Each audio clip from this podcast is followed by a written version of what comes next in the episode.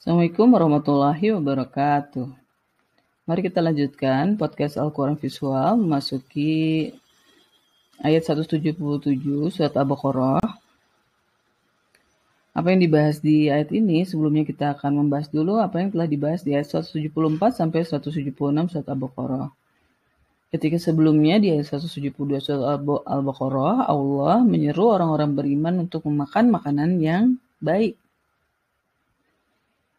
Nah, pada ayat 174 dan 175 ini Allah menyatakan bahwa ternyata ada yang lebih mengerikan dari memakan makanan yang haram ya. Melainkan adalah memakan api neraka dalam perutnya. Itu orang-orang yang menyembunyikan apa yang telah Allah turunkan dalam kitab. Kita tahu di ayat 172 ketika Allah memerintahkan orang-orang beriman untuk memakan makanan yang baik, Allah juga mengaitkannya dengan bersyukur kepada Allah. Nah, makna bersyukur di situ apa? Karena selama ini kita selalu membayangkan kesyukuran itu berkaitan dengan nikmat atau kehidupan kebaikan atau kesenangan dunia. Nah, seperti padahal seperti yang sudah kita pahami ya, nikmat itu tidak melulu bagian itu, tapi lebih kepada justru adalah petunjuk Allah itu sendiri.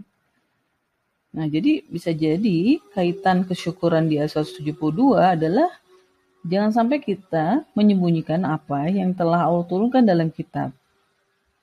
Karena ini lebih parah, lebih buruk dibanding memakan makanan yang haram.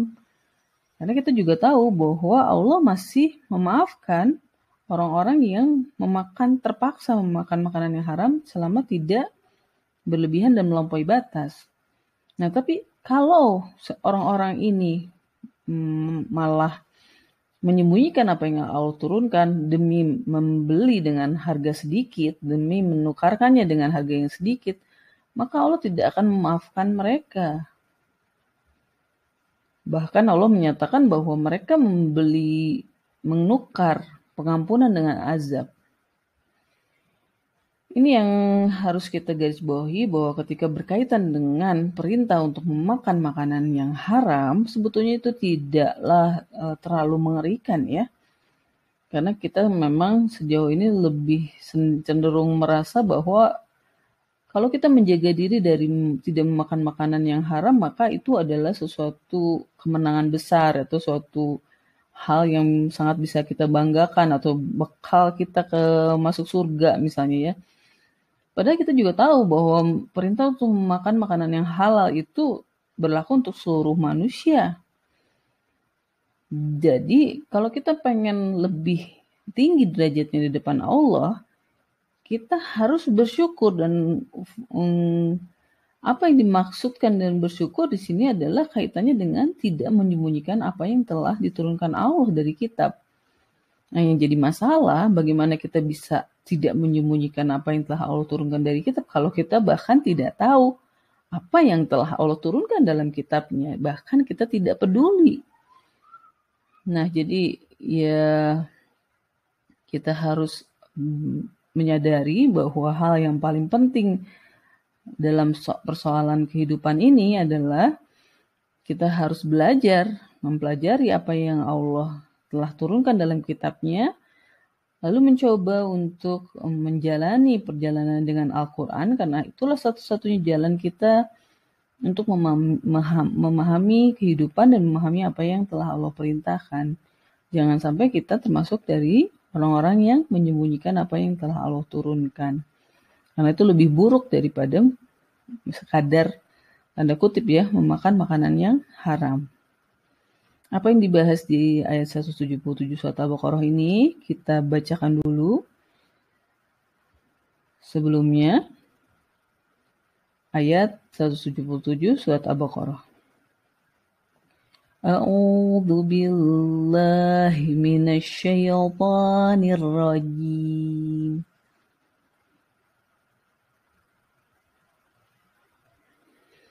Laisal birra'an tuwallu wujuhakum qibalal masyriqi wal maghribi Walakinnal birra man amana billahi wal yaumil akhiri.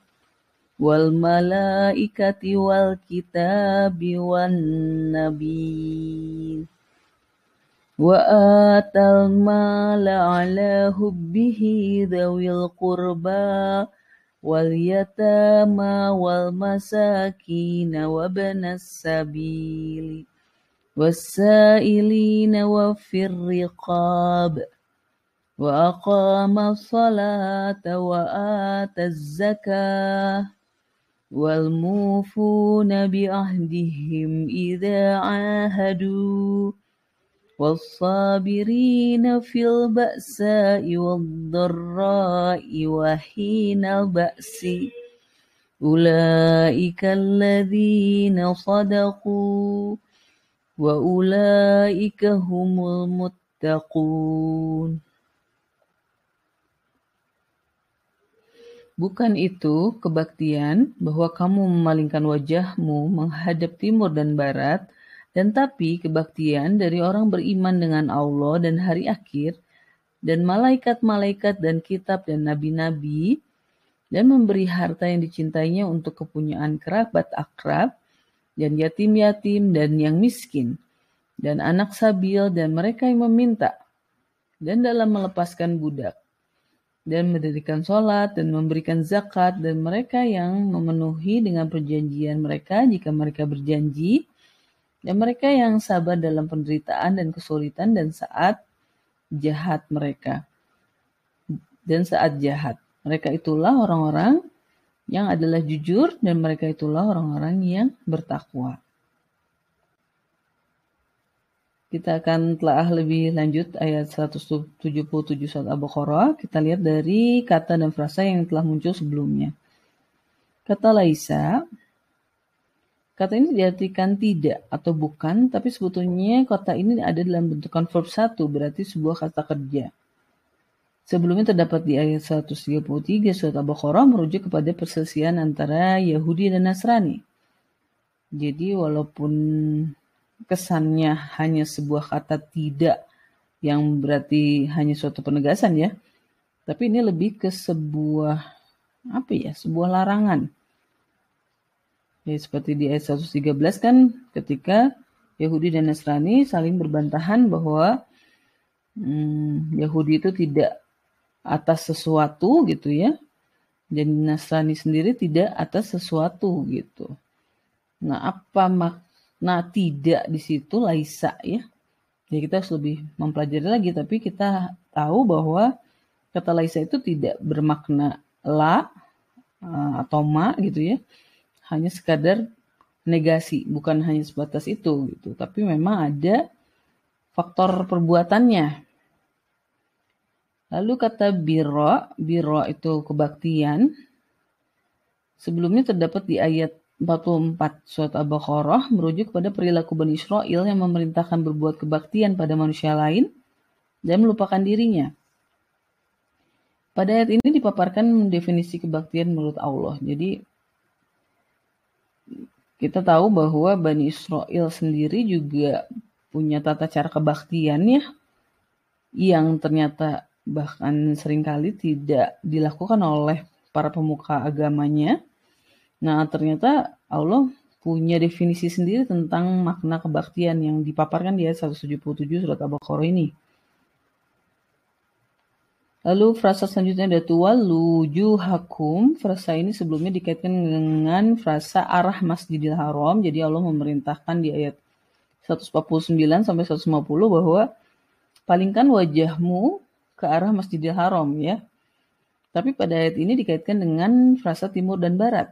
Jadi bukan melurus bukan merujuk pada orang-orang beriman, tapi lebih pada meluruskan Bani Israel terutama terkait terkait perihal perpindahan kiblat. Jadi ya kan Bani Israel itu meributkan soal perpindahan kiblat gitu ya. Jadi Allah menegaskan bahwa kebaktian itu bukan sekadar menghadapkan wajah ke timur atau ke barat gitu. Arah itu hanya suatu penanda Nah, apa yang penting dilakukan yaitu di frasa selanjutnya Allah menegaskan bahwa kebaktian itu salah satunya nanti akan ada disebutkan lagi kemudian yang pertama adalah beriman kepada Allah dan hari akhir. Frasa ini telah diulang berapa kali, beberapa kali di ayat 8, 62, 126 surat Al-Baqarah. Kita memahami bahwa beriman kepada Allah dan hari akhir adalah keimanan yang paling mendasar. Tapi di ayat 177 ini bukan hanya berhenti di situ, tapi ditambahkan juga yaitu beriman kepada malaikat, kitab, nabi-nabi. Nah, berarti keimanan itu kan luas gitu ya. Walaupun di ayat kedua surat Al-Baqarah kita tahu bahwa kayak ketiga dan keempat ya, standar atau pondasi dasar keimanan itu hanyalah beriman kepada kegoiban. Baru dari situ muncullah keimanan kepada apa yang telah Allah turunkan. Nah, tetapi di ayat 177 surat Al-Baqarah ini Allah memaparkan ya, hmm, mendeskripsikan lebih lanjut apa sih makna apa apa aja sih yang harus kita imani Nah, di sini disebutkan tentang Allah itu sendiri, hari akhir, malaikat, kitab, dan nabi. Lalu kata hubbihi, kata ini sebelumnya terdapat di ayat 165, merujuk pada orang-orang zolim yang mencintai tandingan Allah seperti mencintai Allah. Apakah kita bisa menyimpulkan bahwa salah satu tandingan Allah adalah harta? Karena di ayat 177 ini Allah memerintahkan kepada orang-orang beriman untuk memberikan harta yang dicintainya. Ya, jadi kan um, sedangkan kata cinta sebelumnya dikaitkan dengan Allah gitu. Jadi apakah makna dari tandingan-tandingan yang dicintai selain Allah itu adalah harta gitu ya? Ya bisa jadi kalau kita ambil kesimpulan sementaranya begitu. Untuk bisa memahami lebih lanjut tentu kita harus mempelajari lebih banyak lagi, lebih dalam lagi. Lalu frasa selanjutnya adalah zawil kurba wal yatama wal masakin. Frasa ini sebelumnya terdapat di ayat 83 merujuk kepada perjanjian Allah dengan Bani Israel. Ketika di ayat ini Allah mengaitkannya dengan memberikan harta yang dicintai, di ayat 83 surat Al-Baqarah ketika Allah menyatakan bahwa telah mengambil keteguhan dari Bani Israel, Allah mengaitkannya dengan berbuat baik ya. Jadi berbuat baik kepada kerabat, anak yatim dan miskin. Jadi dalam konteks apa berbuat baik ya di sini adalah kaitannya juga dengan masalah harta gitu. Jadi baik itu bukan hanya baik-baik doang gitu ya, tapi kita pelit gitu misalnya. Ya, tapi ada kaitannya dengan memberikan harta yang dicintai. Yang pada ayat ini dikait ditambahkan lagi ya, bukan hanya kepada tiga hal tadi, tapi juga kepada um, apa orang-orang yang meminta, juga kepada orang dalam perjalanan dan ketika dalam melepaskan budak ya. Jadi lebih luas lagi dari sekadar kerabat, yatim, dan yang miskin. Kemudian frasa selanjutnya yang sama adalah waqi wa aqama sholata wa zakata. Nah, frasa ini telah muncul di sebelumnya di 44, 83, 110 dikaitkan dengan pada dua kaum yaitu Bani Israel maupun orang-orang beriman. Jadi sama saja ya um, apa yang perisai orang-orang beriman maupun perisai Bani Israel menghadapi banyak hal, banyak urusan yang terkaitan dengan pertolongan dan kesabaran ya mendirikan zakat, menegakkan sholat dan mendirikan zakat. Nah, apakah memberikan harta yang dicintai itu tidak sama dengan zakat? Nah, kalau di ayat ini ya jelas dibedakan gitu ya. Karena zakat sendiri kan sudah ada peruntukannya. Walaupun salah satu amilin ya ada seperti yang tadi sudah disebutkan lagi gitu. Jadi apakah kenapa harus diulang gitu? Ya kita harus banyak lagi belajar soal ini ya karena wa aqama sholata wa ata zakata ini udah kayak satu frasa yang udah nempel gitu ke mana-mana walaupun Allah mengulang-ulang dalam hal yang berbeda tapi tetap diangkat lagi diangkat lagi. Jadi mengapa itu begitu pentingnya? Ya kita harus belajar lebih lanjut lagi.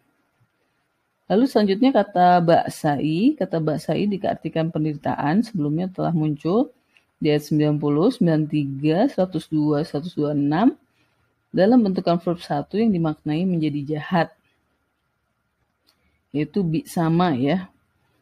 Nah, sedangkan kalau di ayat ini kan uh, dalam bentuk noun gitu ya, kata benda. Jadi kejahatan itu seperti apa gitu, penderitaan yang dialami itu seperti apa gitu. Kalau di ayat 90 itu kan berkaitan dengan perilaku orang-orang yang tidak mau menerima Al-Quran ya. Mereka menjual Al-Quran dengan kafir terhadap apa yang telah diturunkan Allah itu kan. Lalu ayat 93-nya juga um, mereka menjadikan ambil anak sapi gitu. Jadi penderitaan itu konteksnya di situ ya berkaitan dengan kejahatan-kejahatan agama gitu ya. Termasuk tentang sihir.